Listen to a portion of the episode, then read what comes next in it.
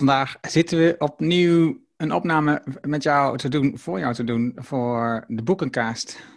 En dat, wij, dat is aan de andere kant Tom van der Lubbe. Welkom Tom. Goedemorgen Erna. En Tom die zit uh, in Zwitserland ergens in zijn kantoor. En uh, Erno Hanning die zit in Doetinchem. En um, ja, we doen dit dus daarom ook via Zoom, logischerwijs. Maar überhaupt, het is ook makkelijk voor ons op deze manier om te organiseren. kost minder tijd. Dus, uh, en we hebben genoeg te doen, want uh, je vertelt net even allemaal wat er los visie. En vooral waar jij bij betrokken bent met allerlei mediaactiviteiten. Dus het is een wonder dat je het boek hebt kunnen lezen. Oprecht. En, uh, dus, um, en het grappige is, want het is, het is geen... Um, Ge geen dunne kost of zo. Het is echt een flinke pil. Je hebt het, je hebt het fysieke boek bij je. Misschien kun je een video, als je een video kijkt, dan kun je het zien hoe dik of die is. Het is echt absurd. Uh, uh, dus het was uh, wel even wat voorbereiding om dit boek te lezen voor ons beiden. Maar voor mij, voor mij is het een bijzonder boek. het stond al lang op mijn lijst om te lezen. En ik heb veel hier omheen ook gelezen en gezien. Ik heb veel van zijn video's bekeken van Daniel Kahneman. En ik zeg Kahneman, maar jij zegt Kahneman, geloof ik, hè? Nou, ik, nee, ik, weet, ik weet het niet. Ik, denk, ik weet niet hoe de Amerikanen het uitspreken, maar het is natuurlijk een, een Israëli. Ja. Yeah. Dus ik heb geen flauw idee hoe het, uh, hoe, hoe het in Israël uitgesproken wordt. Dus. En, en ik heb veel gevolgd ook van Rory Sutherland. Dat is de vice-president van Ogilvy in Engeland. Um, hij heeft ook een boekje geschreven, een boek geschreven, niet boekje, boek geschreven, um, wat een beetje vergelijkbare onderwerpen heeft, maar dan hoe dat dan wordt gebruikt in de marketing. En dat gaat vooral over um, ja, hoe je anders om kunt gaan uh, op basis van um, meer vrije gedachten dan economische gedachten. En dus dan zie je veel van de elementen die hij beschrijft en ook die hij zijn training geeft, terugkomen in dit boek. Uh, wat over het algemeen veel onderzoek is die um, Kahneman heeft gedaan, of uh, in samenwerking, of wat die hij aanhaalt. Het is een boek dat, dat zit vol met onderzoeken. Um, er zijn vijf hoofdstukken. Um, en eigenlijk is het, is het opgedeeld in drie blokken, het boek. Uh, dat is een beetje grappig, maar het, in ieder geval, het gaat over drie blokken, drie elementen. We hebben, hij praat over twee systemen. Systeem 1 en systeem 2, leggen we zo uit. Hij praat over twee personen, de icons, dat is een, een, um, uh, een bedacht een type mens, en de gewone mens. En de twee zelven, um, en daar komen we zo ook op terug. We beginnen eens. Nou, en, en, misschien ook om goed te vertellen waarom, waarom, ik dit boek zo interessant vind en zo belangrijk voor mezelf vind, uh, maar ook voor anderen, is omdat het alles wat hier in het boek wordt beschreven, dat gaat over beslissingen. Het gaat over beslissingen die je neemt, dan wel automatisch, dan wel um, dat je aandacht aan besteedt. Daar is, dat komt dat systeem 1 en systeem 2 terug. Nou, beslissingen, dat weet je misschien ondertussen, dat is mijn onderwerp, daar ben ik ontzettend mee bezig en ik denk na over hoe je als ondernemer beter beslissingen kunt nemen. En daarom is het boek zo interessant, want veel van de beslissingen die nemen, die worden genomen door wat Kahneman systeem 1 noemt. moet ik even uitleggen, want systeem 1, dat, dat, is, dat noemt hij zo, systeem 1 en 2, omdat dat, hè, ze doen veel onderzoek naar het brein, maar dat kun je makkelijk onthouden, dan kun je makkelijk een plek geven, maar in de werkelijkheid bestaat systeem 1 niet. Er is geen plek in het bedrijf wat systeem 1 is. Er is ook geen plek in het bedrijf wat systeem 2 is. Er is ook niet dat kun je niet aanwijzen, maar dat is om het onthouden. Systeem 1 staat voor dat wij automatisch, zonder over na te denken, bewust over na te denken moet ik zeggen, beslissingen nemen. Op basis van allerlei input. En systeem 2 staat juist voor het bewust nadenken. Uh, en systeem 2 is een systeem wat veel energie kost voor ons brein. Dus als we bezig zijn met een bewuste beslissing, kost dat veel energie. En dat wil ons lichaam graag besparen. Daar is het zuinig mee. En dus daarom besteedt het veel beslissingen uit aan systeem 1, zonder dat je erover nadenkt. Dus dat is even in het kort deze twee systemen.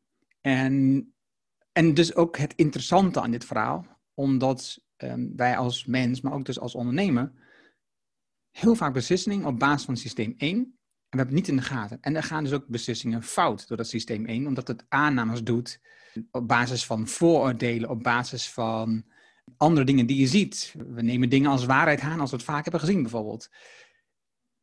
En daar moet je mee oppassen. Want als je op basis daarvan beslissingen neemt als ondernemer die van invloed zijn op de toekomst van je bedrijf of voor je medewerkers of wat dan ook, dan moet je daar bewust van zijn dat dat is, zou kunnen zijn dat je dat hebt gedaan op basis van een vooroordeel en dat je er weinig hebt over nagedacht. Dus dat is waarom voor mij dit boek zo interessant is. Lange intro. Maar, ja, hele goede intro. Misschien is het ook goed om even te, uit te leggen waar die opbouw van die hersenen vandaan komt. Dus even die prehistorische context.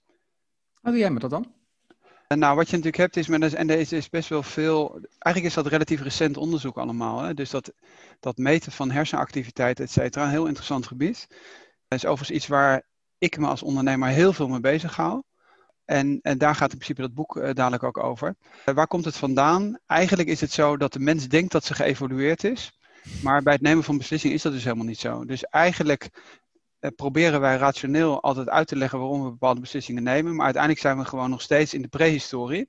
En het allergrootste gedeelte van de dingen die we doen, die vinden in de, stam, in de stamgedeelte van onze hersenen plaats. En dat, is, ja, dat zijn hele snelle instinctieve reacties. Dat kan in, daar komen we na de hand wel op. En dat heeft uiteindelijk gewoon ermee te maken dat in de prehistorie de, de, de mensen heel snel moesten beslissen. Hè, uh, identificeer ik iets als de tijger en word ik opgegeten, moet ik heel snel weglopen. Iemand die daar ook heel veel onderzoek naar heeft gedaan is bijvoorbeeld uh, Dick Swaap. Ik ben mijn brein. Maar er zijn, er zijn er veel meer van en het is natuurlijk in zoverre heel erg interessant. En daar gaat eigenlijk het boek over. Het boek gaat eigenlijk de hele tijd erover om uit te leggen dat, dat wij als mensen denken dat we hele rationele wezens zijn, maar dat het uiteindelijk helemaal niet het geval is. En, en hoe meer voorbeelden en hoe meer onderzoeken uh, je neemt, waar je eigenlijk zelf de spiegel voor gehou, gehouden krijgen, dat we eigenlijk nog steeds, ik zal maar zeggen, prehistorisch aan het, aan, het, aan het beslissen zijn, des te meer maakt ons dat, ja, de Amerikanen zouden zeggen more humble, met betrekking tot het idee dat wij allemaal zulke goede beslissers zijn. En, en daarom is dat boek zo ontzettend interessant. Um, uh, en het is misschien even afsluitend. Ik kende eigenlijk vooral zijn video's. En ik vind hem op video veel makkelijker en toegankelijker dan het boek. Het boek is, vind ik, behoorlijk zware kost. Het is eigenlijk een wonder dat een boek wat zo wetenschappelijk is en wat, wat, wat een, een ja, hoeveel bladzijden zijn het? Uh, eh, 500 bladzijden. Dat dat een bestseller is geworden. Het is een, het is een wonder. Het is een, hij heeft de Nobelprijs gekregen voor zijn. Het is geloof ik de, eerste, de enige psycholoog uh, die ooit een Nobelprijs voor de economie heeft gekregen. We hebben het wel vaker over, daar al over hem gehad. Uh, dus wat dat betreft is het een wonder dat dit boek een bestseller is geworden. Ik uh, zie dat het stickertje erop zit dat ik het voor 9,95 euro bij ACO op het station heb gekocht. ik vraag me ook echt af hoeveel mensen het boek daadwerkelijk gelezen hebben.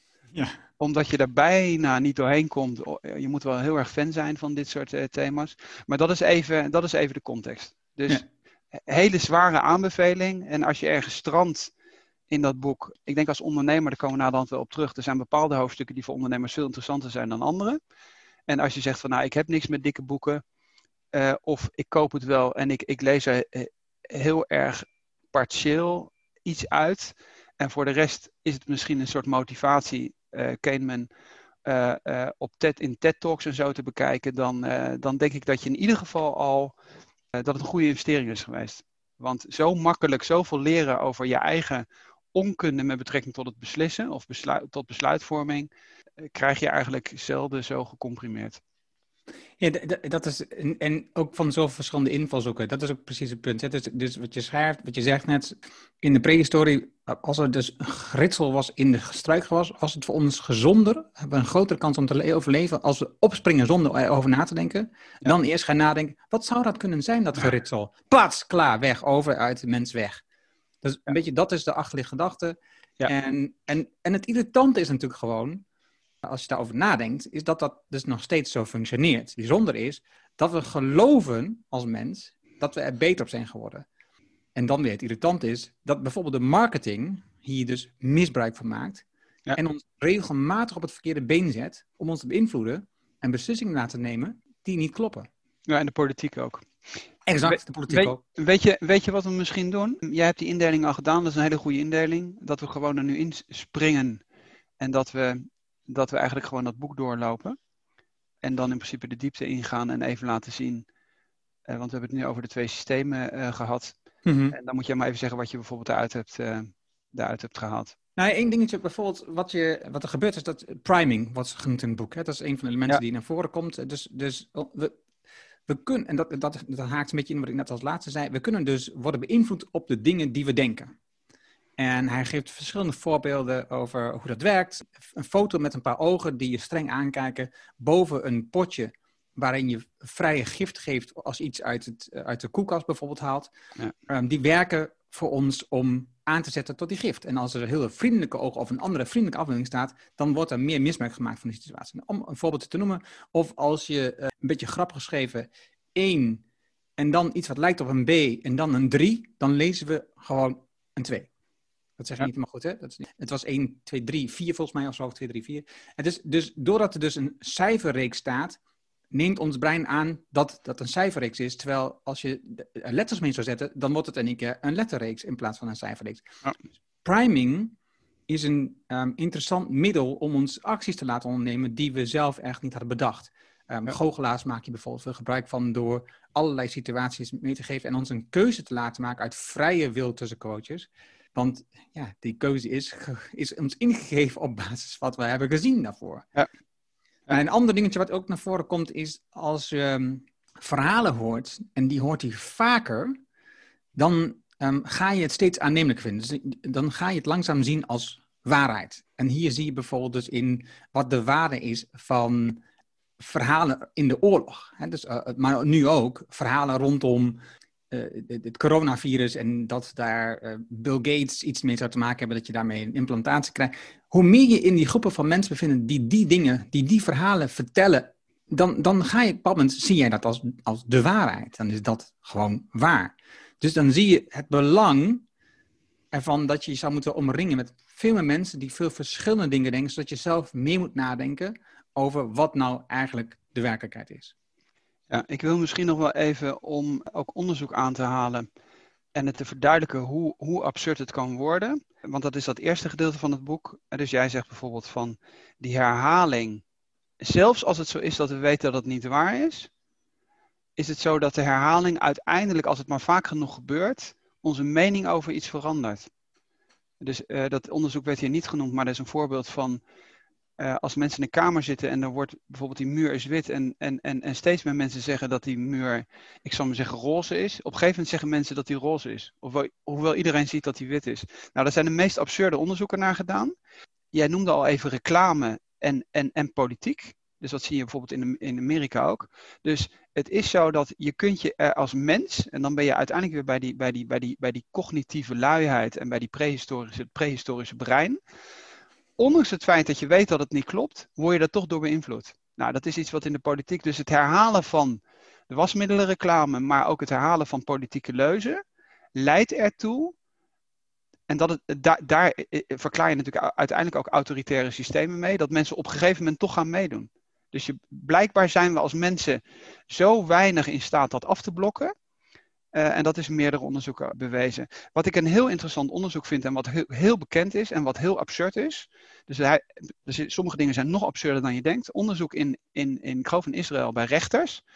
Waar ze rechters laten dobbelen en na de hand de strafmaat van zaken voorleggen. En als de rechters daarvoor een hoger, een hoger cijfer hebben gedobbeld, is de strafmaat hoger. Nou, het is volledig absurd. De, de, de strafmaat is hoger naarmate de rechters dichter bij de lunch aanzitten en honger krijgen. Dus, het is, dus als je zegt van nee, wij vinden dat zijn rechters, die zijn hoog opgeleid, die, die onafhankelijk, dus die laten zich nooit daardoor beïnvloeden. Nee, dat is dus niet zo. Dus als jij, als jij ooit een keer voor de rechtbank landt, dan zorg dat je s morgens direct na het ontbijt van die rechter aan de beurt bent. Uh, want dan is de kans dat je een lagere strafmaat krijgt veel hoger dan dat het net, ik zal maar zeggen, 12 uur is. En die rechters denken van, zonder dat ze het zich blijkbaar realiseren. Dus, en als je natuurlijk rechters dat onderzoek dan weer voorhoudt, en dat is dan wel, zijn zulke grote aantallen en dat, dat onderzoek is dan zo fundamenteel dat je niet kunt zeggen, nee, dat klopt allemaal niet. Dat onderzoek bewijst dat, hoe erg het eigenlijk is. Nou, en dat, daar heeft hij een hele reeks voorbeelden van en daar gaat dat eerste, derde gedeelte uh, van dat boek over. Maar dingen wat bijvoorbeeld een beetje dichter bij huis is, is bijvoorbeeld als jij goed gehumeurd bent, dan, dan is de kans dat je een, een weloverwogen beslissing neemt groter dan dat jij slecht gehumeurd bent. Nou, daar zijn ook alle onderzoeken naar gedaan. Dus mensen die bijvoorbeeld bang zijn voor hun baan, die zijn natuurlijk veel minder productief. Mensen die helemaal uitgeput s'avonds voor de tv liggen, hebben een veel hogere neiging om dingen te kopen. Nou, dat soort dingen daar gaat dat eerste derde of dat eerste derde gedeelte van het boek over. wat je zegt, het is super interessant. En het grappige is natuurlijk dat het is aangetoond met alle onderzoeken. En, en, en je gelooft dat je zelf beter bent en wijzer bent en nooit zal doen. Want een van die video's die ik al een paar keer heb gezien hierin, is dat mensen in een lift gaan staan. En die gaan dan, in plaats van met het gezicht naar de deur, gaan ze met z'n allen met het gezicht naar de uh, achterkant van de lift staan. En dan denk je, nou, dat ga ik niet doen. Want als ik in de lift sta, dan blijf ik gewoon mezelf. En ik, ga, ik laat me echt niet... Maar je ziet dat keer na keer draaien mensen zich om. Het gaat heel langzaam en heel subjectief. Maar op een bepaald moment sta je net als de rest van mensen in de lift... gewoon met je gezicht naar de achterkant van de lift gekeerd. Of een ander onderzoek waarbij iemand, waarbij mensen hele logische berekeningen. Um, en er zit dus maar één uh, proefpersoon in, de, in het lokaal, en de rest zijn allemaal acteurs. Ja. Die zeggen iets wat totaal niet waar is, dat weet je gewoon. Maar ja, wat je net al zegt, met iedereen zegt het is een roze muur. Op een bepaald moment ga je ook zeggen, het is een, het, het, het, het, ik zal het wel verkeerd, het, het is een roze muur, het zal wel. Ja. En je denkt, jij, net als ik, net als uh, Tom, wij denken dat wij slimmer zijn en beter zijn dan wat wij zien in die uitkomsten. En het is gewoon niet waar. Wij reageren exact hetzelfde. Ja, klopt. Oké, dan het stukje over icons, dat vind ik ook uh, bijzonder, want dat komt namelijk ook vaker terug bij Rory Sutherland. Is, we hebben het een, over economen. Economen nemen steeds een belangrijke positie in de wereld in. We hebben er al een paar keer boeken over uh, besproken. Waarbij er vanuit economisch perspectief wordt gezocht naar een logica over wat beslissing zou moeten zijn, wat de vervolgstap moeten zijn, waar het vandaan komt. En dus hij noemt voorbeelden. Eh, mensen nemen een logische beslissing over een aankoop van iets, of wat iets waard is, of welke volgende keuze te maken. Maar het is niet zo. We zijn niet zo rationeel als dat wordt afgeschilderd. En we zijn mensen en we maken keuzes die niet lijken te kloppen volgens economen.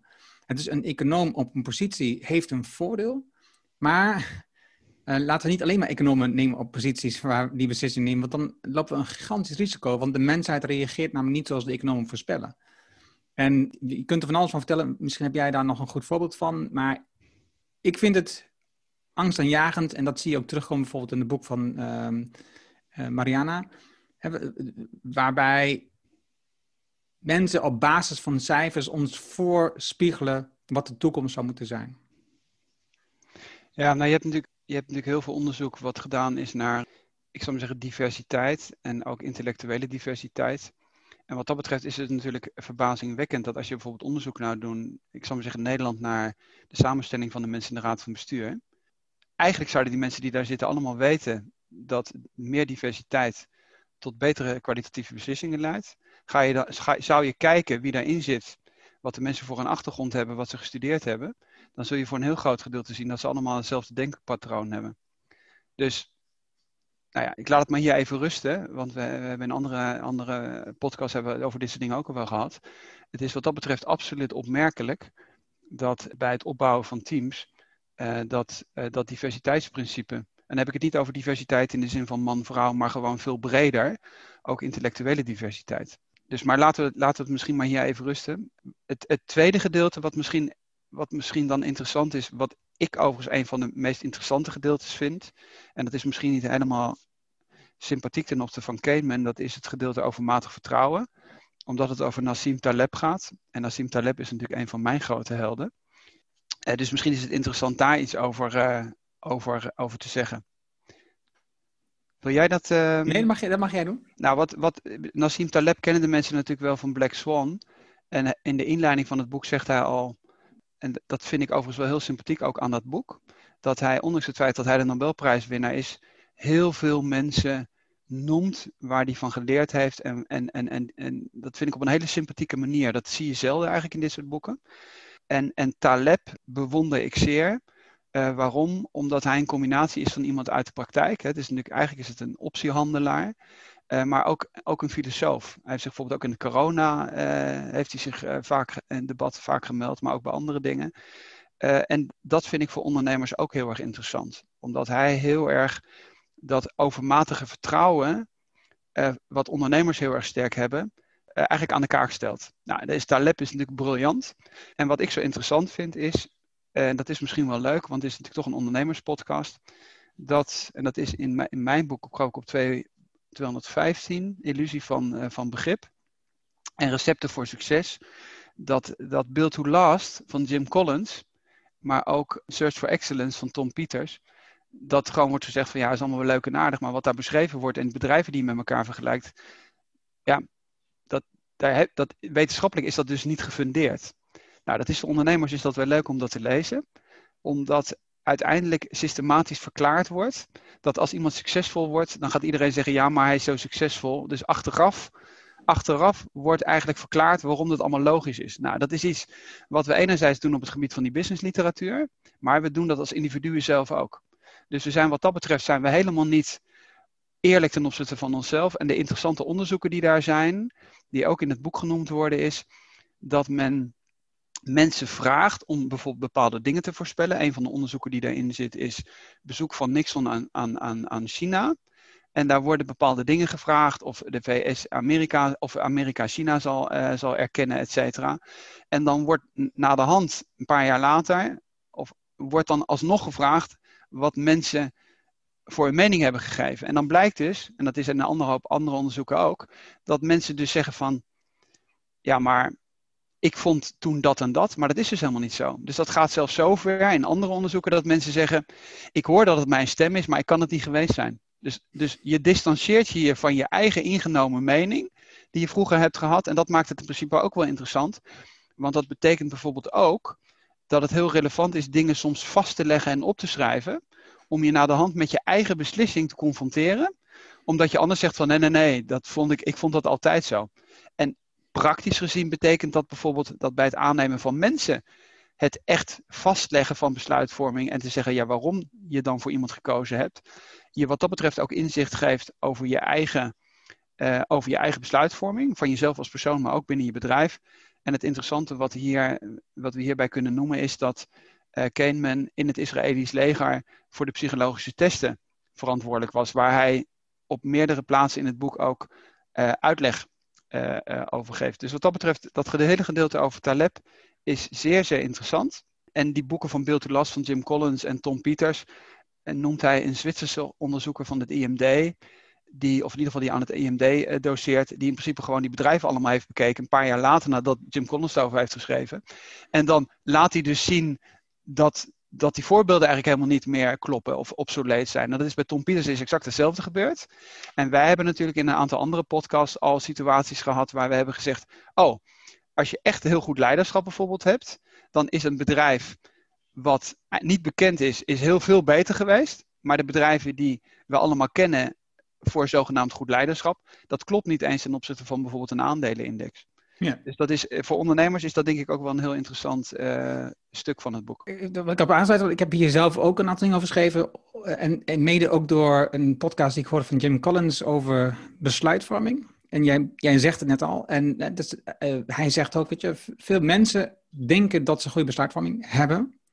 En baseren dus de volgende beslissing op de beslissing die ze genomen hebben. Terwijl, ze, terwijl dat is gebaseerd op de de uitkomst van besluitvorming en niet op het besluitvormingsproces. En dus wat gebeurt er op het moment dat je een besluit genomen en, het, en de uitkomst is goed, wat dan voor het grootste deel gewoon is ontstaan vanuit geluk in plaats van uit werkelijk de werkelijkheid, want die is dan niet zo stabiel. De werkelijkheid is heel instabiel. En het meeste wat gebeurt nadat een besluit is gewoon puur geluk. Daar, daar hebben we gewoon nul invloed op. En ik noem dat dus, leg dit soort dingen vast in een beslissingenboek. Dat doe ik zelf ook. Dus maak een beslissingenboek waarin je dit soort dingen vastlegt voor jezelf. Wat was de beslissing? Wat waren de emoties waar ik in zit?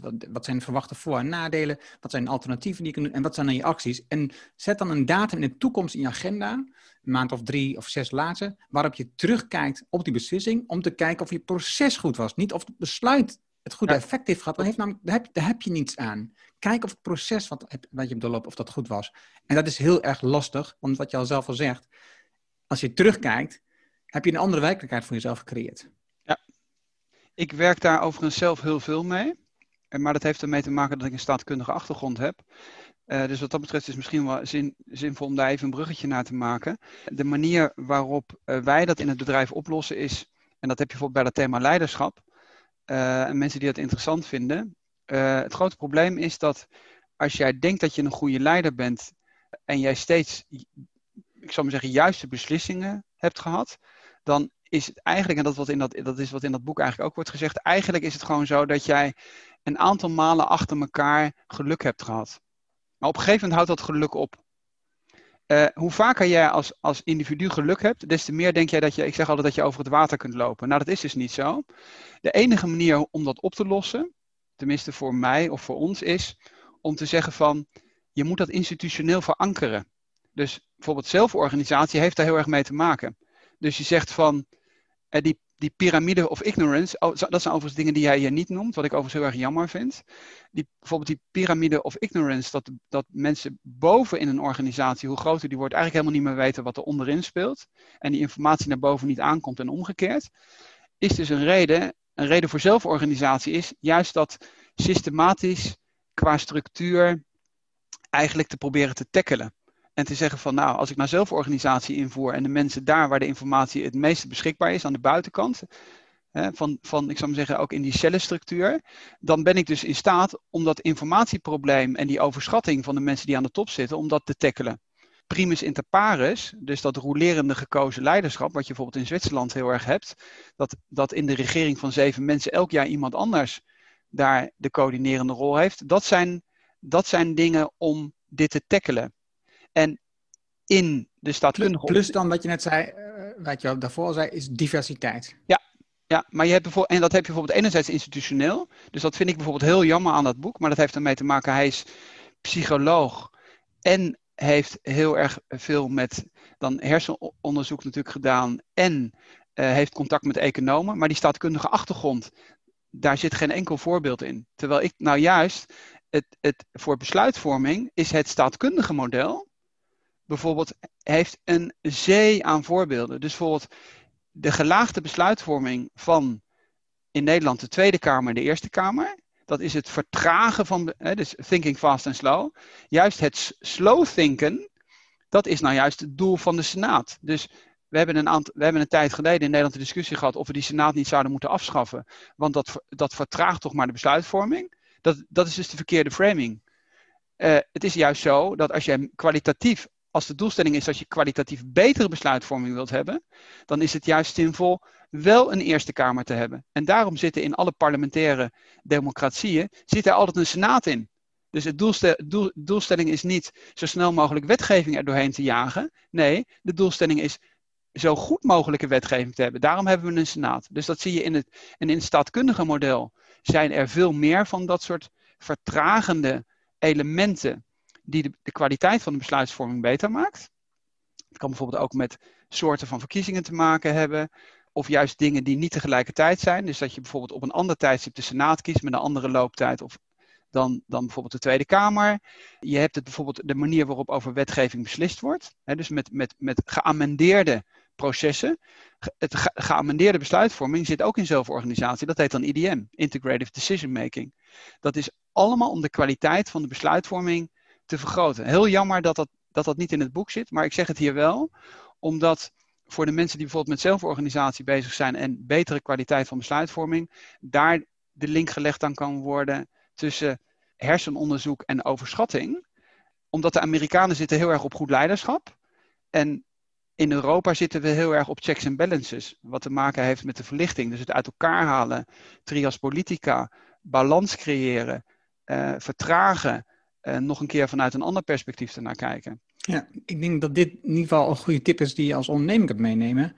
Is dus, uh, ook, al, ook al werk je niet aan de zelforganisatie op dit moment nog, vertraag het proces voor jezelf. Ja. Daar worden je besluiten gewoon beter van. Probeer niet telkens op het laatste moment telkens weer opnieuw snel besluiten te nemen, omdat je dan denkt dat we vooruit gaan. Die besluiten die zijn het slechtst voor jou. dus nou goed, uh, uh, laten we naar het laatste deel gaan, want uh, we hebben al veel besproken. Het laatste blok gaat over de twee zelven. De belevende zelf en herinnerende zelf. Dat is ook teruggekomen in ons boek van Dobelli. Daar kwam het ook naar voren. In ieder geval het boek wat ik gelezen had. Ja. en, um, en ook dat is, dat is een, een zeer interessant verhaal. Want het, het sluit hier op aan, vind ik. Omdat, um, en even uitleggen. We hebben dus een belevende zelf. Dat is, dat is de persoon die de ervaring meemaakt, nu. Dus we zitten hier nu met elkaar te praten. De belevende persoon maakt dit nu mee. Dit, dit, dit gedeelte. Alleen de belevende persoon heeft een hele slechte um, geheugen. Dus die onthoudt niet precies wat er gebeurd is. Dan heb je de herinnerende persoon. die onthoudt wat er gebeurt op basis van verhalen. Dus die onthoudt dit gesprek, elementen van het gesprek moet ik zeggen, op basis van verhalen die daarvan gemaakt heel, wat we super interessant vonden. En als het einde um, slecht was, want we, hebben dan pieken en we hebben het einde waar we het meeste van onthouden. En als het einde heel slecht was, ervaren we dit gesprek als waardeloos. Terwijl de, de, de werkelijkheid, dus de, de, de belevende persoon, heeft dat helemaal niet ervaren. En dus als 90% van eh, de vakantie waar je was fantastisch was, maar de laatste 10% was gewoon verschrikkelijk, dan, vind, dan vond je dat een verschrikkelijke plek waar je vakantie was. En dat geldt voor alles. Hè? Dus ook als je... Ja, noemt echtscheiding noemt hij. Ja, maar, maar ook met mensen in je bedrijf. Hè? Dus of met, met, met, met, met klanten waarmee je werkt. Als klanten waarmee je werkt in het proces telkens heel vervelend zijn, maar er zitten een paar elementen in, in dat proces met die klant die fantastisch zijn en je sluit goed af, dan ga je de volgende keer gewoon met die klant werken. En dan kom je weer achter, oh, de beleving zelf ontdekt weer, oh shit, ik had dit niet moeten doen. Want ik weet nu weer waarom ik het eigenlijk heel vervelend vond op dat moment. Dus we onthouden dingen op basis van verhalen van onszelf en hoogtepunten. En het grappige is ook dat we dus een tijdsaspect heel moeilijk kunnen inschatten. Dus als nu een traject uh, een half jaar geduurd heeft of twee weken, dat is voor ons heel moeilijk achteraf in te schatten, want de belevende zelf of de herinnerende zelf onthoudt de hoogtepunten en laat de rest gewoon weg. Ja. Nou, ik, ik vond dat dus weer super gaaf. Ja, wat daar een heel belangrijk voorbeeld is, onderzoek naar gedaan is, is bijvoorbeeld mensen die gemarteld worden. En aan het einde van het martelen wordt het verzacht. Dus dat, nou, dat is best wel luguber allemaal. Dus voor de mensen die dat interessant vinden, is dat ik eh, ja, zeker lezen ook. Uh, het voorbeeld wat we in het verleden wel eens hebben genoemd, of wat ik heb genoemd, is vakantie. Dat ik zei van, als, je, als ik drie weken ergens naartoe ging, zonder dat ik hotels boekte, boekte ik altijd de eerste en de laatste overnachting. Ik zou zeggen, in het meest dure hotel. Daartussen maakt het dan niet zoveel uit. Alleen als je ergens aankomt en je bent nieuw, ik zou zeggen, je vliegt naar Delhi, heb ik toen als voorbeeld genoemd. Nou, kan ik aanbevelen, Imperial Hotel, dat ligt in de Oase. Nou, als je daar dan je eerste overnachting hebt en je komt in die stad aan waar eh, alles nieuw en lawaai en vies en zo. En, en het is je laatste overnachting, dan is dat heel anders dan dat je daar aankomt. En, en dat is een negatieve ervaring. Want dan kunnen die drie weken daartussen heel fantastisch zijn geweest. Dat is, dat is even iets heel, iets heel praktisch. Ik wil er nog één, één punt eigenlijk aanstippen. Dat is hoofdstuk 24, omdat het een ondernemerspodcast is. Mhm. Dus voor de mensen die ik zou maar zeggen, in Nederland eh, langs de ACO lopen, die 10 euro is, zou al goed besteed zijn voor ondernemers als ze hoofdstuk 24 lezen. Dat is de machinerie van het kapitalisme, heet dat. Vind ik niet zo goed. Ze hadden beter optimisten kunnen noemen. Of waarom ondernemers optimisten zijn. Uh, 270 tot 281, dus dat zijn 11 bladzijden. En dat zou ik echt elke ondernemer willen aanbevelen dat te lezen. Want die 10 bladzijden daar zou je wel eens enorm van kunnen profiteren. En waar gaat dat over? De ondernemer is de geboren optimist. Want anders zou die geen ondernemer zijn geworden. Dat is iets wat ik ook heel vaak zeg. Wij zijn inmiddels, ik zal maar zeggen, 50 mensen. 2% van de mensen die ooit gestart is, zit nu in die categorie. Rationeel gezien, als jij ergens een goede baan hebt, dan is het statistisch gezien niet zinvol om ondernemer te worden. Omdat de kans van slagen als ondernemer is te gering. Dat maakt het zo lastig. Alleen wat gebeurt er bij een ondernemer? Die zal altijd zeggen, ook al is het statistisch, is de kans heel klein. En daar wordt een heel aardig onderzoek, noemt hij. Hij noemt een voorbeeld van businessplannen die gevalideerd zijn met 17 uh, eh, verschillende elementen. Bij de businessplannen waarvan heel duidelijk wordt gezegd van nou dat klopt dus niet. Die ondernemers zeggen van dat kan allemaal wel zo zijn, maar ik ga het toch doen. Na de hand ik ga je tegendeel bewijzen. Ja, ja, ik ga tegendeel bewijzen. Na de hand zijn die ondernemingen allemaal failliet. En toch zeggen die mensen, nee, ik ga het doen. Nou, daar leeft de ondernemer van. Dat is voor een ondernemer in zoverre interessant om daar eens goed naar te kijken. Dat je je dus bewust bent als ondernemer dat je een geboren optimist bent. Dus ik ben een geboren optimist, maar tegelijkertijd, maar tegelijkertijd zeg ik, jongens, omdat ik weet dat ik een geboren optimist ben, moet ik daar dus permanent rekening mee houden. En daarom hebben wij, dat, is, dat vind ik een van de beste dingen die hij ook noemt in het boek. Wij noemen dat intern de advocaat van de duivel. Ik heb dat ook wel eens uitgelegd. Als we een besluitvorming hebben, bijvoorbeeld op aandeelhoudersniveau, over hele belangrijke thema's, dan hebben we de regel dat er altijd tegen ingegaan moet worden. En wat, wat zeggen wij? Als we het allemaal onmiddellijk met elkaar eens zijn, dan is de kans dat we tegen een betonnen muur rijden het allergrootste. Nou, dat klinkt contra-intuïtief of counterintuitive. Maar dat is het dus niet. En hij noemt hier een voorbeeld van pre-mortem heet die oefening. En als er een besluit genomen is, moeten, moeten de mensen een script schrijven of een verhaal schrijven. Waar dan achteraf bleek dat die beslissing toch fout zou zijn geweest. Hij noemt het dan de beschrijving van de ramp. Ja, dus Nou, slecht- dat- het slechte scenario. Ja, het slechte scenario. Nou, dat is voor ondernemers die juist altijd al snel, snel, snel, en we zijn het met elkaar eens en door, door, door, eh, echt lezen dit. Omdat dat is eigenlijk de grote valkuil waar de ondernemers in intrappen. Oké. En dus ik zou, ik zou, daar, echt, ik zou daar echt even heel goed, eh, heel goed naar kijken voor je eigen besluitvorming binnen je bedrijf. Eén, één aanvulling hierop dan, en dan sluiten we hem af. Ik heb, ik heb ook zo'n eh, advocaat van duivel. Ja. En dat is mijn vrouw. Ja. Is, is dat herkenbaar? De partner van de ondernemer, dat hij advocaat van duivel is? Ja, er zijn heel veel, er zijn natuurlijk heel veel, wat heel veel ondernemers doen in het MKB. Die eh, ga- gaan bijvoorbeeld als ze mensen, mensen aannemen, dan gaan ze bijvoorbeeld met, ehm, met hun eigen partner, dat kan vrouw of man zijn, gaan ze met de desbetreffende persoon avondeten. En dan, en, dan, en dan zijn heel veel ondernemers die zeggen dan van, nou ik heb nadat mijn vrouw gevraagd. En, en, en dan zegt bijvoorbeeld die vrouw van, ja maar op een of andere manier, dat, ik heb een slecht buik, buikgevoel daar. En, en wat dat betreft is dat, is dat wel iets wat, wat ook vaak terugkomt. Ik weet niet of er onderzoek naar gedaan is. Maar het is super interessant. Oké, dat ga ik onthouden, dankjewel. We sluiten hem af. Het, is gewoon eh, een uitgebreid boek. Het is geen eenvoudige kost, hebben we vaker. Het- ik denk ook dat dat onze podcast wat anders maakt dan de andere podcast. We hebben, geen, we hebben weinig lichte boeken. Maar wel super interessant om van te leren als je als ondernemer ingesteld bent om te kijken naar je eigen waarheden, om te onderzoeken hoe kan ik beter besluiten nemen, is dit boek fantastisch. Uh, maar, het confronteert je ook met een aantal ongemakkelijke dingen uh, waar je zelf misschien niet van bewust bent op dit moment. Hopelijk hebben we daar uh, wat um, hand en voet aan gegeven dat je daarover kunt nadenken en het boek koopt. Op zijn minst, kijk een aantal van zijn presentaties. Dankjewel voor het luisteren. Heb je een boek, heb je een idee van een boek, een suggestie, een aanbeveling? Um, of heb je zelf dit boek gelezen en heb je iets totaal anders gelezen dan wij? Laat het ons weten. Stuur, geef het in de reacties hieronder. Um, stuur, uh, zet het onder de podcast. Uh, stuur ons een berichtje, dat maakt niet uit. We horen heel erg graag van je. Uh, dankjewel Tom voor deze keer weer. Ja, dank, dank aan jou Erno. En dan gaan we op naar de volgende aflevering 11 alweer. Dankjewel voor het luisteren.